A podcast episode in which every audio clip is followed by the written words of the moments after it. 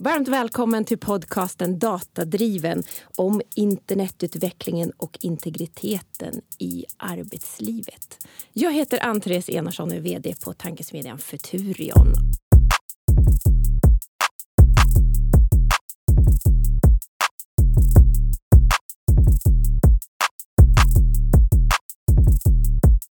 Med mig i studion idag har jag Mattias Beijmo, IT-expert och författare. Välkommen. Tack. Och ytterligare en gäst i studion har vi och det är Carl Melin, forskningsledare på Futurion. Välkommen. Roligt att vara med. Om vi börjar med, vad är integritet? Vad svarar du då, Mattias? Ja, integritet eh, finns det ju då naturligtvis juridiska definitioner på och det finns också etiska definitioner mm. på det. Och eh, det finns ju då FNs deklaration för de mänskliga rättigheterna såklart, tolfte artikeln där. Och även Europakonventionen artikel 8 lyfter ju de här sakerna. Och att en, en var har rätt till skydd för sitt privat och familjeliv i, i sitt hem, men också sin korrespondens. Och här är väl nyckeln mycket då korrespondensen, att när man gör sig liksom, samtalar med andra på olika mm. sätt. Men det är viktigt att vi sätter den här, tänker jag, initialt eftersom mm. integritet mm. och internetutveckling ja. blir liksom det som, som vi ska diskutera i förhållande till arbetslivet här framöver. Så bara ja, och jag tror att det är viktigt eftersom, eftersom sen när man kommer ner djupare i det så, så är just hela tiden den här Europakonventionens artikel 8 den enda egentligen formulering som håller Eh, om man tittar rättsligt på det. Så det, där, det är en väldigt viktig del. Så. Sen har integriteten ett väldigt intressant förhållande visavi tillit, eh, inte minst inom arbetslivet. Tilliten mellan arbetsgivare och arbetstagare eh, förutsätter ju ett visst mått av integritet. Och där finns det ju liksom en, en eroderande tillit i samhället. Och du menar att den stora erosionen kom i, i, liksom när internet klev in och dundrade in ja. i arbetslivet? Ja, men så är det. Internetutvecklingen är rent temporalt kopplat till den eroderande tilliten och integritetstappet. Då. Det finns något som heter Edelman Trust Barometer som ges ut som är en forskningsrapport då, eh, by varannat år heter det på svenska. Mm. Eh, och där ser man ju hur tilliten till samhällsinstitutioner och stat eroderas i takt med att internet utvecklas. Och det, det kan naturligtvis vara ett, ett, ett icke-kausalt samband som det heter, det vill säga att det inte har med varandra att göra. Men det ser väldigt linjärt ut när man tittar på kurvorna. Mm. Och det, jag, det tycker jag är väldigt intressant just också eftersom tilliten Eh, är så viktig i arbetet mellan arbetsgivare och arbetstagare. Ja, det handlar ju inte bara om eh, det. Jag menar, integritet kan ju handla om att ska man behöva tala om för chefen när man går på toaletten eller mm. vad som helst. Alltså det finns någon slags, mm. Du har rätt till ett privatliv även när du är på jobbet. Alltså det finns en gräns. Alltså mm. På samma sätt som myndigheter, företag eller andra inte har rätt liksom att veta vad du äter, vad du skriver i dina brev, vad du säger i telefon, får ta på din kropp. Alltså allting vi förknippar med integritet. Även när vi så att säga är på jobbet och någon betalar oss för att vara där så har vi rätt till en viss integritet. Mm. Jag har ju skrivit en del om populism och sådana grejer. Precis. Man märker ju att samhällen med låg tillit blir svagare samhällen. Alltså om man ganska enkelt, det finns hela den här diskussionen om socialt kapital. Alltså Precis. att människor har förtroende för varandra. Varför fungerar norra Italien bra? Varför fungerar södra Italien mindre bra? Väldigt mycket av det här förklaras i tillit. Gör affärer i Gnosjö, då kan du ta i hand och så vet du att det gäller som ett skrivet avtal. Gör du affärer i Ryssland behöver du ta med dig några vakter med maskingevär för att mm. veta att du liksom kan lämna ja. affärsmötet ja, men... levande. Alltså, så tillit ja. är oerhört viktigt. När tillit saknas så uppstår en massa andra problem. Ja. Mm.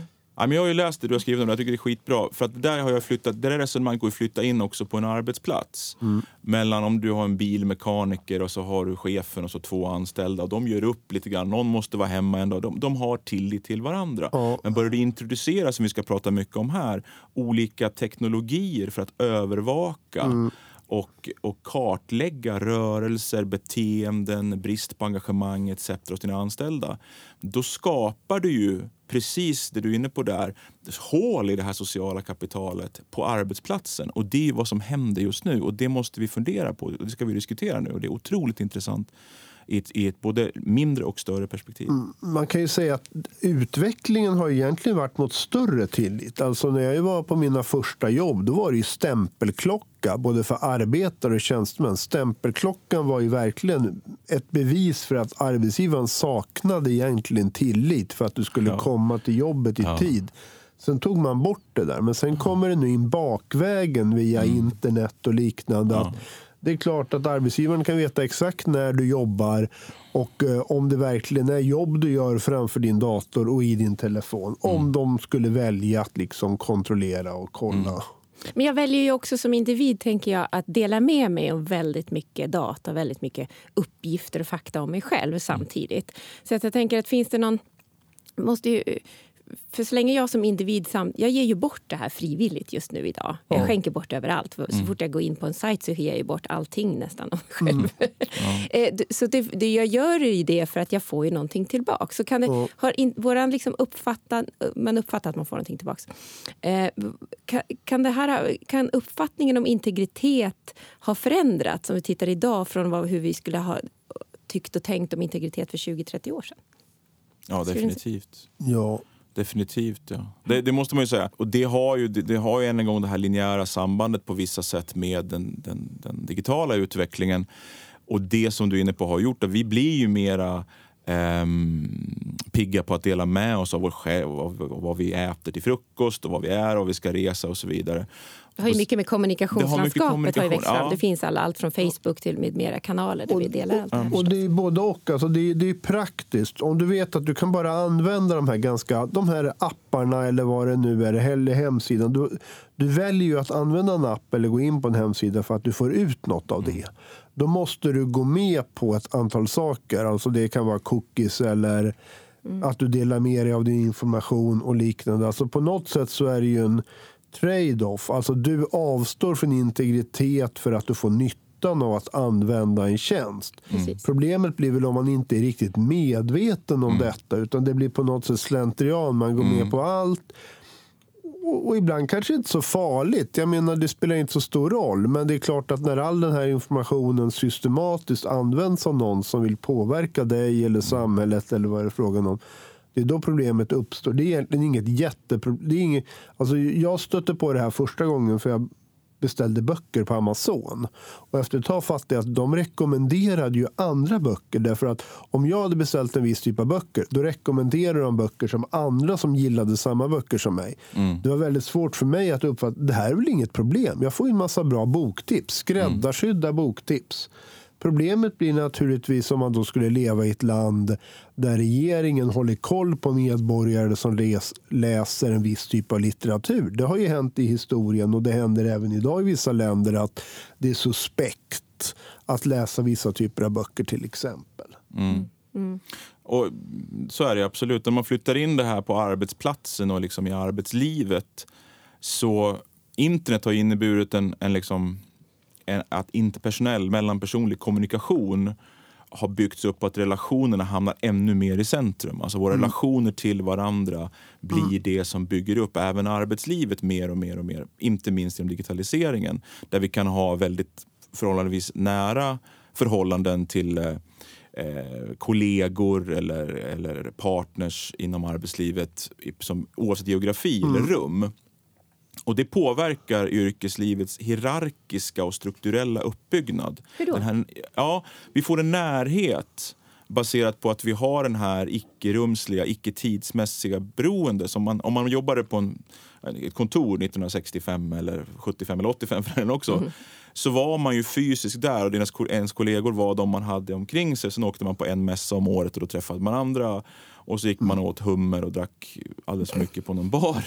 Och så liksom, det var det som var det sociala och också det, liksom, det kollegiala livet. Mm. Det är ju fullständigt nu digitaliserat vilket gör att företagen, både internt men också mellan kund versus företag har en digitaliserad relation som är mycket tätare, den är mycket snabbare och Det gör att det utvecklas en massa data helt enkelt i de här mötena, i de här konversationerna, i de här kopplingarna.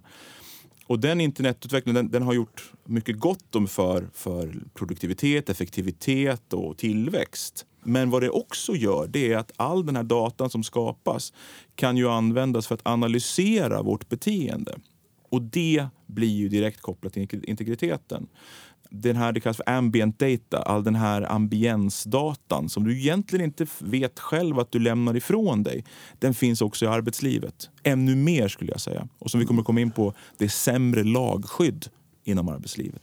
Sen har vi en annan sak är också det att det privata och jobbet flyter ihop på detta. Men vi alla använder ju till exempel sociala medier både i vår yrkesroll och eh, privat. Alltså jag har bara idag tror jag skrivit både saker på Twitter och Facebook som både är jobbrelaterat och privat.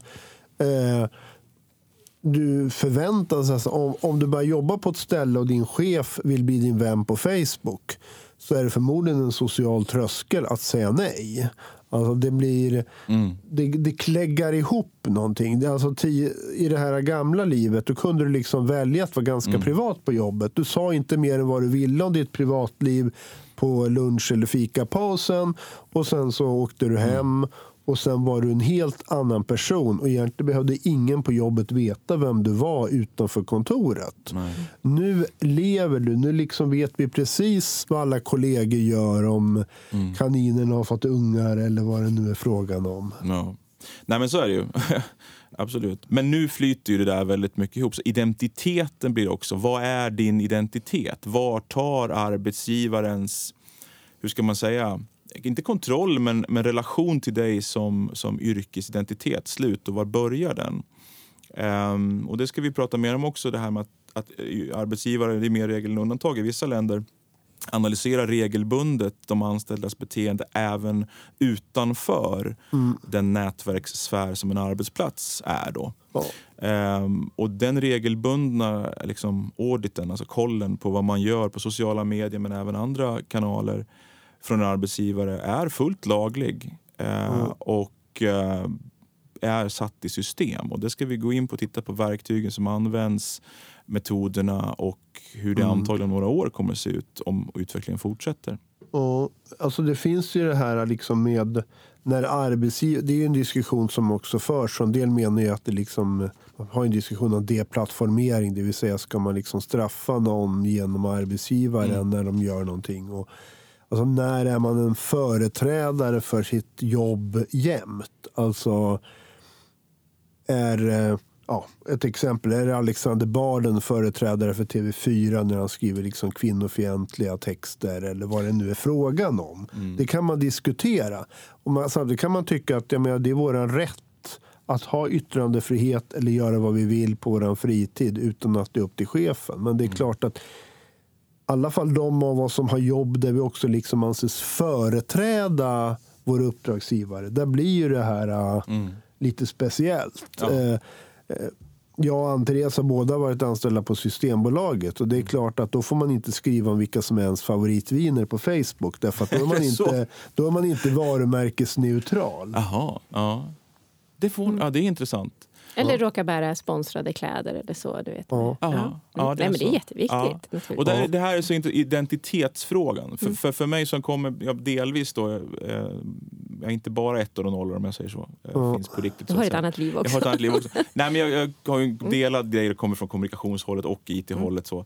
Identitet är ju intressant, för identitet är någonting också när man programmerar eller när man sätter upp system så är identitet jätteintressant för att ni är ju identiteter rent datamässigt också också. Och, man försöker ju så mycket som möjligt nu när, när teknologin gör nya framsteg att få den här identiteten att vara mer än ett användarnamn och ett lösenord. Ehm, därför att det, om man ur ett kommersiellt syfte så är det jättebra att förstå de här 29 000 datapunkterna som Facebook använder. Det blir ju din identitet.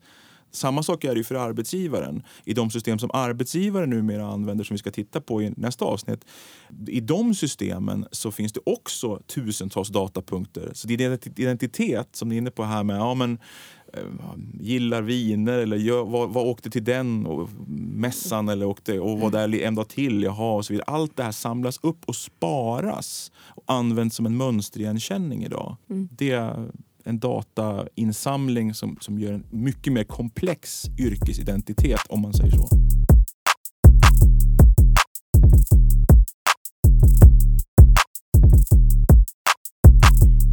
faktiskt en berättigad fråga, det vill säga vad är internet? Det finns ju en anekdot, inte minst från det stora undersökningsföretaget som sådär slentrianmässigt fortsatte ställa samma fråga om hur ofta man gick ut på internet. Mm.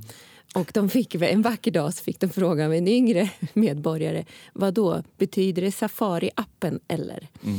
Så att det är klart att det är en berättigad fråga. Vad är internet? Mattias, du som är IT-experten, här kan du förklara för oss. Ja. Du som jobbar med data. Ja, man jobbar med data. ja, nej, men internet, om man ska ge en, en, en kortfattad när man passerar 40 så börjar man inleda meningar med att ja, låt mig börja med en historisk utblick. Redan de gamla grekerna. ja, som, som 20-åring kommer jag vakt ihåg hur jag hatade det när de började säga vi måste börja historien för där finns svar. Men det är faktiskt så att redan 1945, ja ni hör ju själva. Ja. Ja, men där, där var en snubbe som heter Vannevar Bush som skrev en text som heter As We May Think. Och helt fantastisk text. Han förutsåg internets utveckling redan 1945. Och sen så byggde ju Tim Berners-Lee ett tekniskt koncept då, som i mångt och mycket um, är en slags teknisk inkarnation av Vannevar Bush idéer från 1945. Mm. Och det där är viktigt, alltså, därför att vad Tim Berners-Lee tar fram då eh, och Vannevar Bushs idéer är, det är helt enkelt en slags ersättning till traditionella medier som är baserad på någon form av hierarkisk idé. Det vill säga att någon säger att det här är det viktigaste just nu och så lyssnar någon på det. Det kan vara tv-nyheter eller tidningar och så är byggda så. Att en redaktionellt urval baserat på att någon tycker att det här är viktigast. Den typen av medielogik eller kommunikationslogik eller snarare informationslogik slås ju tur med internet där du själv bygger upp förhållanden mellan olika saker och väljer hur de ska både hierarkiskt eller icke-hierarkiskt sitta samman. Det kallas för hypermediell informationsstruktur. Vilket har att göra med att äh, det är användaren själv som bestämmer vad som den är intresserad av, hur den sorterar verkligheten. Och det, alltså rent, vad som händer då 98 där någon gång i Sverige, det är att man bygger, börjar bygga webbplatser.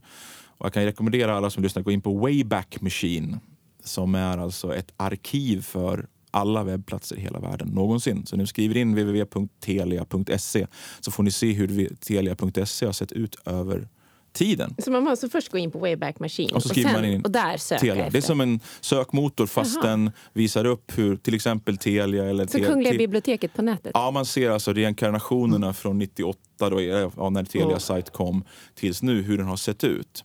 Och vad som är intressant om man tittar på det där då, det är ju att mellan 98 och millennieskiftet lite till så bygger alla en slags i tidningar på nätet, informationsbroschyr på nätet. Det vill säga mm. man tänker information mm. väldigt mycket. Man, man tänker okej okay, nu har vi chans att berätta det här, då gör vi det. Och så uppdaterar man det med nya nyheter och så vidare. Så det är väldigt mycket traditionell logik trots att mediet från början inte skapades för det. Mm. Vilket är intressant. att man, vi Men förstår... Tekniken gick återigen före ja. vårat, men, liksom våran readiness, alltså våra förberedelser mentalt. Precis. precis. Så att, ja. både Vannevar Bush 45 och Tim Berners-Lee liksom, mm. början av 90-talet kom på idéer som var där vi är idag. Mm. Idéerna där är, handlar om där vi är 2020. Eh, men vi, vi tar jättelång tid på oss för att komma dit. Mm. Och sen börjar vi förstå det här. Och då började vi använda appar, för, eller då var det program då som handlade om för att eh, kommunicera med varandra. Och tidigare program hette ICQ, då, kommunikationsprogram som är före Messenger och så. Och det är så det börjar, att vi börjar kommunicera med varandra person till person, alltså peer to peer som mm. det heter på engelska. Och då det öppnas det nya internet, det vi ser idag, upp. Det, det vill säga att där vi, där vi börjar ha kontakt med varandra. Och det kommer senare in i, som vi kommer komma in på sen med sociala medier och så vidare, hur det utvecklas. Eh, men vad som händer också under 2000-talets mitt som är helt avgörande för det vi ska prata om här under den här serien. Det är att det kommer ett antal aktörer som Google, som Amazon, som Apple, som Facebook och så vidare som centraliserar internet igen. Går tillbaka till idén att äh, men det är en punkt där informationen ägs. Eftersom... Vi som fyra, fem noder i stort sett? Ja, eller? precis. Det mm. går ifrån den här grundidén att man, man satte upp det här själv och det fanns någon form av nästan demokratisk idé med internet. Det går man tillbaka ifrån och skapar då alltså företag och plattformar som samlar upp informationen och således också datan. Det där tycker jag är intressant just ur, man, ur, ur ett samhällsperspektiv. Vi kommer ju återkomma till det eller, i den här serien vet jag. Men just det, jag hade en högstadielärare som brukar berätta om, han, det här var, då pratar vi mitten av 80-talet. Han var en av de som höll koll på det här fast mm. han, liksom, han var gammal journalist och sånt. Och han menar ju att system som Sovjetunionen och Kina och sånt skulle falla sönder därför att när individer fritt kunde sprida information och kommunicera med varandra så skulle inte diktaturer kunna fungera. Tyvärr så fick han ju fel därför mm. att det man kan se nu i Kina till exempel är ju att genom att ha den här totala kontrollen över vad människor gör och dessutom i ansiktsigenkänning och allting så är det snarare så att den nya tekniken gör att det är mycket lättare att vara diktatur nu än förr. Alltså, mm. På 20-30-talet kunde revolutionärerna ses på fik och dricka vin och te och planera revolutionen. Nu kan de inte ens vara i samma lokal utan att säkerhetspolisen håller koll på det och vet exakt vilka ord som används och sånt. Nej, precis. Så uh, tyvärr så blev det ju inte riktigt samma... Så grundläggande demokratiska eh, värderingar som föreningsfrihet och mötesfrihet är ju liksom på ett sätt under under lupp. Ja, ja därför att det, folk kan, storebror kan hålla koll på vad du gör. Och mm. vill då storebror hindra förenings, föreningar eller möten mm. eller vad det nu man vill ha så mm. blir det mycket lättare. Och Det mm. handlar ju om integritet. Rätten att, nu, att vi tre kan prata med varandra om vad vi vill utan att någon där uppe håller koll på det. Ja. Och flyttar man in i det här då i en företag eller en organisations perspektiv, en arbetsplats som vi uttrycker mm. oss lite slarvigt så gäller ju samma sak där. Mm. Att om det är så att ett företag, och det här är ju på deras eget nätverk, kan mm. titta på konversationer, titta på vilka som, som, som interagerar ofta och runt vilka ämnen eller vid vilka mm. tidpunkter och se mönster, analysera mönster med så kallad artificiell intelligens, mer maskininlärning om man ska vara korrekt. Då blir ju exakt, exakt samma risk skapas ju mm. på, i ett företag som skapas i ett land. Eh, och, och, tidigare var det ju inte så, för då, satte, då till exempel hade man kanske ett, ett eh, intranät och då låg det på en server nere i källaren hos. På att säga. Mm. Nu är det ju inte så. Det här är molnbaserade tjänster vars algoritmiska analys till exempel tar hjälp av verktyg från Google eller Facebook eller andra. Då. Så att den data, för att få fram då eh, effektivitetsmätning eller produktivitetsmätning eller annan typ av analys, då, riskkalkyler på eh, anställda och så vidare, så använder man datakraft utanför huset. så att säga. Det använder datakraft som ligger på en server i USA. Så det, samma utveckling har skett även där, att det finns noder även för den företagsspecifika datan på det som förr kallades för intranät. Nu kallas det kanske annat än intranät i vissa fall. Men... Mm. Och så så det, det där internetutvecklingen har också skett då på företagen. Att gått från liksom intranät på en burk nere i källaren till molnbaserade maskininlärningstjänster som tittar väldigt mycket på beteenden och så vidare. Mm. Och då blir också säkerheten större på det. Jag tänker på alla de här inspelade samtalen till Vårdguiden där egentligen ja. vem som helst kunde gå in Jaha. och lyssna på ett samtal. Därför Jaha. att man helt enkelt hade lagt det någonstans utanför där man inte hade koll på säkerheten. Precis. Men den här beskrivningen då av internets utveckling från och till som du nu har gjort. Vad, vad innebär det för konsekvenser för, för arbetet rent generellt? Vad har vi för... Vi har ju en ökad möjlighet att jobba utanför själva arbetsplatsen naturligtvis. Men vad, vad innebär det mer för konsekvenser för oss som jobbar? Mm. Ja, det är en av grundfrågorna som, som jag är så glad över att få göra den här poddserien tillsammans med er. Därför att den kulturella arbetsmarknadsrelaterade utvecklingen, alltså värderingar, attityder till arbete, på arbete och så vidare drivs numera väldigt mycket av den tekniska utvecklingen. Som, som du sa tidigare, att det, den tekniska utvecklingen tillåts att vara dragloket och så hänger liksom etik, integritetsfrågor, juridik efter vi försöker liksom efterhand sopa upp och vända tillbaka skadliga delar. Och jämför med den industriella revolutionen så ser vi ju samma sak. Att där drog man på och såg att man kunde göra saker väldigt mycket bättre, snabbare, på större skala. Och så släppte man ut all arsenik i, i lite floder i Europa. Nej, men det är allting. Jag, menar, jag har skrivit om trafiklagstiftning. Alltså, vi hade redan, bilismen var etablerad innan det kom någon form av lagstiftning för hastigheter eller ja. körkort ja. eller någonting någonting. Det är samma ja, sak. Ja. Eller hela den här diskussionen om piratkopiering, upphovsrätt och sånt. Det är också där liksom lagstiftningen har legat liksom... Mm. Det har liksom ja, byggt på boktryckarkonsten, regelverket. Men helt Mm. plötsligt så har vi en helt annan värld. Och där väldigt många unga människor lärde sig att det var helt okej med fildelning och piratkopiering och alltihopa innan det fanns ett regelverk på plats. Mm. Och det är lustigt att vi inte lär oss det där. Alltså, det finns ju mycket positivt såklart med digitala. Men det är en omedelbar och global distribution av kunskap, värderingar, idéer över världen. Och det gör att man demokratiserar till exempel länder i Afrika har more or less samma tillgång till till exempel artificiell intelligensmotorer via Google. Så det är en fantastisk möjlighet för dem att kunna springa i kapp alltså med, med, med årtionden i sin utveckling. Men det negativa är ju såklart att de här kortare startsträckorna, de här kortare perspektiven, snabbare perspektiven skapar helt nya behov av kompetenser, helt nya behov av eh, att, att, att konkurrensen naturligtvis globalt ökar. Du är ju längre inte bara liksom, om du jobbar med att till exempel skriva kod eller flytta pixlar i, i Photoshop så har du inte längre konkurrens med de bästa i Sverige utan det är ju de bästa i världen och framförallt de billigaste i världen. Och det skapar incitament för arbetsgivaren att försöka optimera, effektivisera men också på andra sätt kontrollera vad som händer. Därför att konkurrenssituationen blir så mycket hårdare.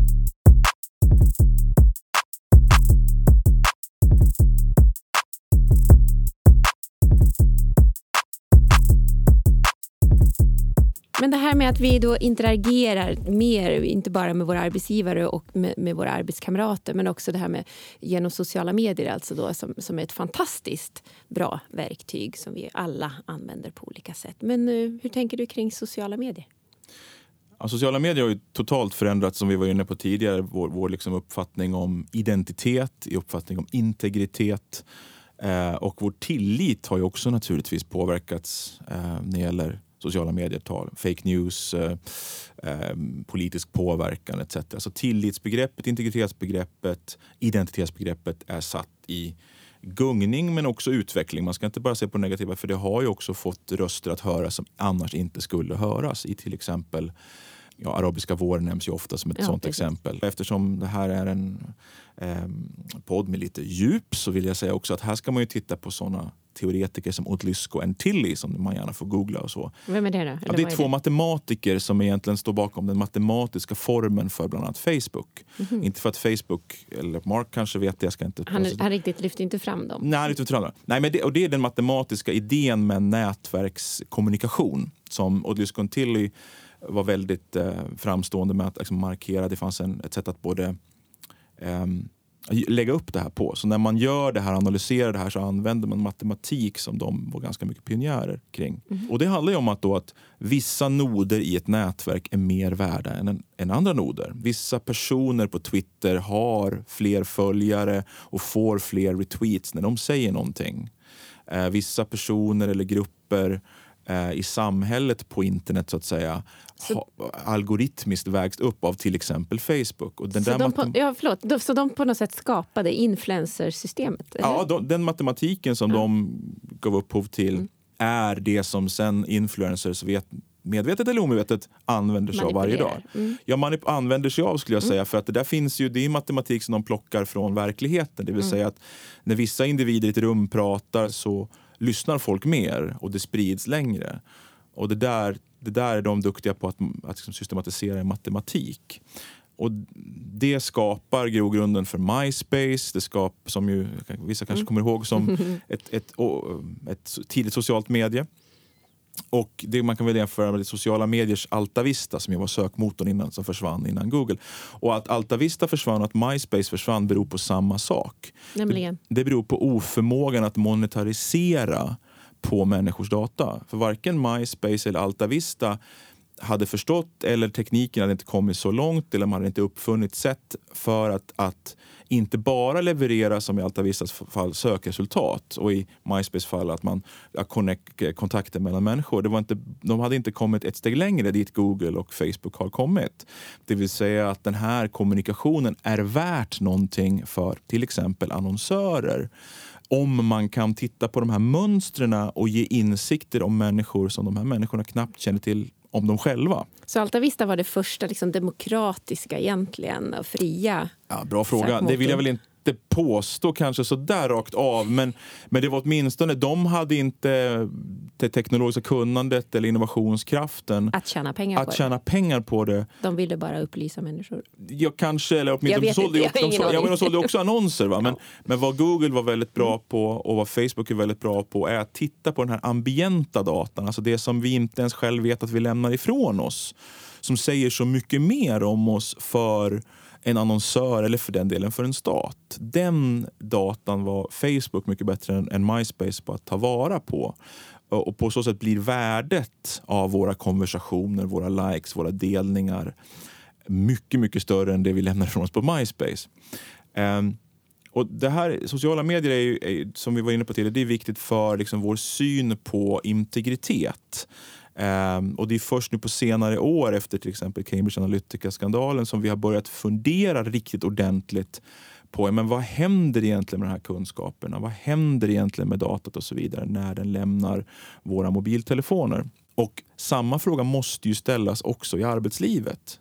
För precis som att sociala medier som vi nämnde har goda, sociala medier och internet har väldigt mycket gott att föra med sig så har ju också digitaliseringen och den här typen av kommunikation som Odlyskon till gjorde matematik av. Den funkar ju även på arbetsplatsen så att säga i samarbeten över landsgränser, över tidszoner och så vidare. Den ökar effektivitet, produktivitet, den frigör tid för oss att göra annat och så vidare. och så vidare. Den har de effekterna där med. Men den har ju också, precis som när det gäller sociala medier, så har den också en nedsida på övervakning och på integritetskränkande hantering som har blivit väldigt vanligt.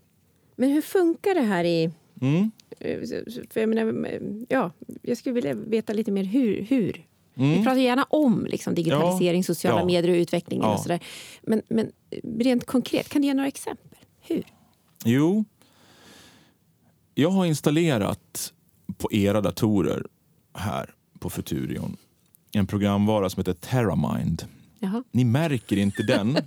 För jag har, allvarligt. jag, jag har applicerat Vad är det för programvara då? Terramind är en programvara som gör att det skapar en slags dashboard. Alltså en, vad heter det? Kontrollpanel heter det på svenska. Mm, kontrollpanel där jag kan gå in på enskilda anställda och titta på vilka applikationer, det vill säga vilka program de använder, vilka webbplatser de är inne på. Eh, Jag kan ta över deras skärm, men inte bara ta över, jag kan spela in eller titta på deras skärmar i realtid. Och jag kan också spela in det här, inte bara eh, skärmen, utan också keystrokes, alltså knapptryckningarna från, från eh, tangentbordet går att spela in. Eh, och det här är ju ingenting, det här är ett program, programvara som används av eh, bortemot 80 procent, inte just den här programvaran, men den här typen av programvara används av bortemot 80 procent av tjänstemannasektorn i USA. De använder den här typen av programvara som är alltså employee surveillance. Jag kan ju, det är bara man googlar employee surveillance så dyker det upp saker som jag tror få personer som lyssnar på det här hade en aning om existerar. Eh, Och vi ska ju prata mer om juridiken för den blir superintressant. Där. För man kan ju tycka, får man då i Sverige trycka dit en sån här programvara för att övervaka de anställda? Och det där ska vi diskutera mer för det kräver sitt eget program verkligen. Men den här programvaran är den tittar ju inte bara på och spelar in din skärm utan den kan också använda mönster i hur du agerar. Eh, det vill säga titta på, okej, verkar det här mönstret vara någonting som systemet har analyserat tidigare är produktivitetshämmande? Eller är det här ett riskbeteende? Ja, den här kombinationen av webbplatser och sätt att uttrycka sig i chattar, ja, det är en risk för företaget. Eh, och vad som är risk avgör ju företaget själv. Företaget kan ju anse att, ja, men att vara inne på porrsajter och eh, hur man gör bombersajter, ja, det är inte så bra. Nej, och det låter ju rimligt att man inte tycker det är så bra. Oavsett vad man tycker om att övervaka någon så är det beteendet är åtminstone inte kanske så bra. Men företaget sätter ju vilken policy man vill mäta på. Och Det kan ju vara om man är inne på politiska eller fackliga webbplatser till exempel. Det kan ju vara ett företag som, inte, som åtminstone vill ha koll på det. Det behöver inte vara att de kickar någon för det, men de vill ha kanske koll på det. Fullt möjligt och enkelt att sätta upp ett par enkla, enkla musklick i den här programvaran. Och har vi någon, eh, känner du till, för det här, jag känner inte till hur, hur vanligt det här, du säger 80 procent på Mm. amerikanska liksom, Ja, tjänstemanna enligt en, arbetsplatser. och det här är enligt en Ja. Gartner-studie så det är inte... Ja det, finns det någon studie som har mätt det här, hur vanligt eh, i utsträckning det här är på svenska arbetsplatser? Det finns ingen som har mätt det på just svenska arbetsplatser men det finns en studie, också Gartner, som tittar på multinationella företag och jag tror det är 237 företag och då är det hälften av dem 2019 som använder det. Jag vet ju, jag vet, jag vet ju tio företag rakt av som har det. Så det finns i Sverige och används i Sverige eh, mycket. Eh, och ökar hela tiden. Alltså efterfrågan på det här är, är lavinartad. Inte minst i EU och Sverige. Um, så att det, det används och kommer att användas mer och Gartner förutspår att, att i worldwide så kommer eh, 8 av 10 företag att, att ha det här 2020. Det är typ nu. Ja, det är nu. Ja. Ja. De förutspår, okay, förutspår, ja, precis. Ja, det är, ja, 2019 förutspådde de. Ja, men det, det Ja, är jag bra. Nej, men så är det. Och, och, och, och det, alltså, än en gång, vi ska prata om det här mer, men det här är ju inte... man får bli lite svindlande tanke sådär. Och, och, ja. Mm. Vet vi om det här? Vi, så. Ja, ni vet ju inte om det. Jag har ju installerat det här hos er nu. Då, så att jag, det här under poddserien ska jag följa er. Det ska bli mycket intressant. Läskigt. Hur känns det här? Eh, nej men alltså jag, jag, jag tycker det, känns läskigt. Mm. Eh, och lite kränkande, Ja. om jag får uttrycka mig Ja. så. Eh, visst Vad, är det, vad är det som känns kränkande? Nej, men jag vill ha rätten till mitt privatliv. Jag vill liksom Men du är ju på jobbet. Eh, jo, men jag kanske har lunch eller jag kanske har paus. Så jag vill kunna, kunna googla upp om det handlar om min läkartid eller någonting. Jag har liksom, Ja, men det är ju inte din telefon. nej. Nej, men det, det, jag förstår ju. Jag ser ju själv i min bekantskapskrets en ökad liksom, användning av... Man har separatat, man, man går igen nu och liksom har liksom, två telefoner. Eh, jag till exempel, jag, jag är ju lite kanske unik så, men jag, jag går ju fortfarande runt med en pappersalmanacka delvis. Ingen dum idé. Ja, men alltså, håller man i tillräckligt länge så blir man ju modern snart igen. Och jag känner liksom att det är där jag, Ja. jag släppte ju aldrig riktigt än. Eh, där jag gör anteckningar om platser eller, eller Nej. så som jag känner att jag vill inte lägga in det i ett kalendersystem. Nej. Eh, Nej. för då, då känns det att, då har jag, att jag fortfarande äger li, en liten, liten, kanske helt oviktig del av mig själv. Jag har förmodligen exponerat alldeles för mycket redan av mig själv. Ja. Men, det, men det har, någon- den har i alla fall en, skapar en psykologisk trygghet när allt är tillgängligt och med Mm. att där har jag i alla fall någonting. Mm. Och där kommer vi också komma tillbaka till med den här känslan av kontroll. Mm. Mm. Att kontrollera sin identitet. Att kontrollera sin egen privata sfär, det man definierar som sin privata sfär. För som du hör när jag ställer de här naturligtvis medvetet provokativa frågorna, men det är ju inte din telefon. Mm. Och det är inte Det ditt nätverk. Vi sitter ju inte, du sitter ju uppkopplad på wifi här, där vi sitter nu, eh, hos Futurion. Mm. Eh, och ja, men Det är inte ditt wifi, utan det är ju, om jag nu var din arbetsgivare, mitt wifi. Och din telefon, ja, det är inte ditt, din telefon, det är min telefon. Så, så, så i det så, som, som vi ska komma in på, så jag har ju då den juridiska rätten att, så att säga, skydda mitt nätverk från risk. Vilket ofta är förklaringsmodellen för varför man installerar de här programvarorna. Jag har också rätt att skydda telefoner för intrång av andra fackförbund som vill spionera på... Jag vet. Ja. Nej, men det är de här och förklaringsmodellerna och, och jag tror du skulle baxna om du hörde hur IT-chefer inte minst förklarar varför det är så nödvändigt att installera eh, Terramind eller, eller Humanize eller någon av de här då, programvarorna. Och de, de tittar inte bara på, som vi kommer komma in på, de kan lyssna av eh, eh, röst och baserat på algoritmer, alltså så kallad AI, så kan de höra i din röst om du är nervös, om du är upprörd och så vidare, vilket används väldigt mycket inom callcenter i USA. Det är väldigt, nästan de flesta använder någon typ av röstanalys i sin callcenterverksamhet. Det görs även i Sverige. Det vill säga när, när du ger godkännande till när du pratar med en support eller någonting. Ja, just det. är Att så här, detta samtal Ja. spelas in i utbildningssyfte. Precis, och det här höra. Mm. precis, spelas in. Mhm. Det är inte bara att de spelar in det på en gammal rullbandspelare och sen så spelar de upp det här på rullbandspelaren. Utan de spelar in det därför att de ska analysera tonläge, ordval och så vidare maskinellt. Och på så sätt kunna höra om en, en viss kundserviceanställd blir onödigtvis upprörd och så vidare. Den behöver inte gå igenom de här tusentals tejperna för det, utan det är, en, det är en maskin som går igenom och lyssnar efter cues, alltså mm, flaggor för oj nu är någon upprörd här, det var inte bra, det måste vi lyssna närmare på. Och det här går naturligtvis att göra på, eftersom man ju äger också den, man äger ju din telefon och man äger det går att göra på dina, vad du skriver också såklart, för den semantiska analysen är ju till och med lättare innan man skriver. Så det här görs ju också då i de här programvarorna. Och det, här, det här ska vi titta närmare på. Och, och liksom vi, vi har ju tre perspektiv på det här som är jätteintressanta. Det är ju just det, metoderna. För än en gång, jag tror inte alla lyssnare har en aning om att det här görs i Sverige idag.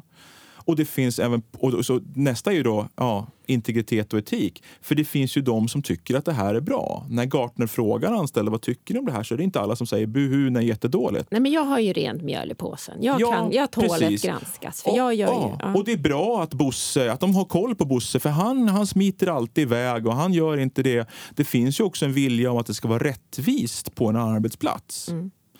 Eh, så det är intressant. Och sen kommer vi då till det juridiska där också naturligtvis kollektivavtalsfrågan blir intressant. Alltså, finns det avtal om det här? Finns det juridik för det här? Och det, det, det, det liksom enkla svaret är nej. Och då måste vi utforska det ännu mer. Mm. Så det, jag ser otroligt mycket fram emot att både följa er aktivitet här på Futurion med de här programvarorna utan mm. att ni vet om det. Nu vet ni om det tyvärr. Då. Och att, att, att också diskutera det här. Um, vad, vad, vad, vad sätter det här för krav och behov för arbetsmarknadens parter. Därför där är det hyfsat oreglerat idag. Och som arbetstagare, ja, hur ska jag se på det här? Det här är alltså en podcast som ska behandla just de frågor som, som handlar om arbetslivet och den, den mer datadrivna utvecklingen som vi står inför. Hur det påverkar arbetslivet. Som sagt, första bara avsnittet. Vi kan inte hantera allting idag, men jag är jätteglad att vi ändå har satt upp de stora frågeställningarna på kartan tillsammans med Kalle Melin. Roligt att vara här. Tack. Och Mattias. Tack. Vi ses igen.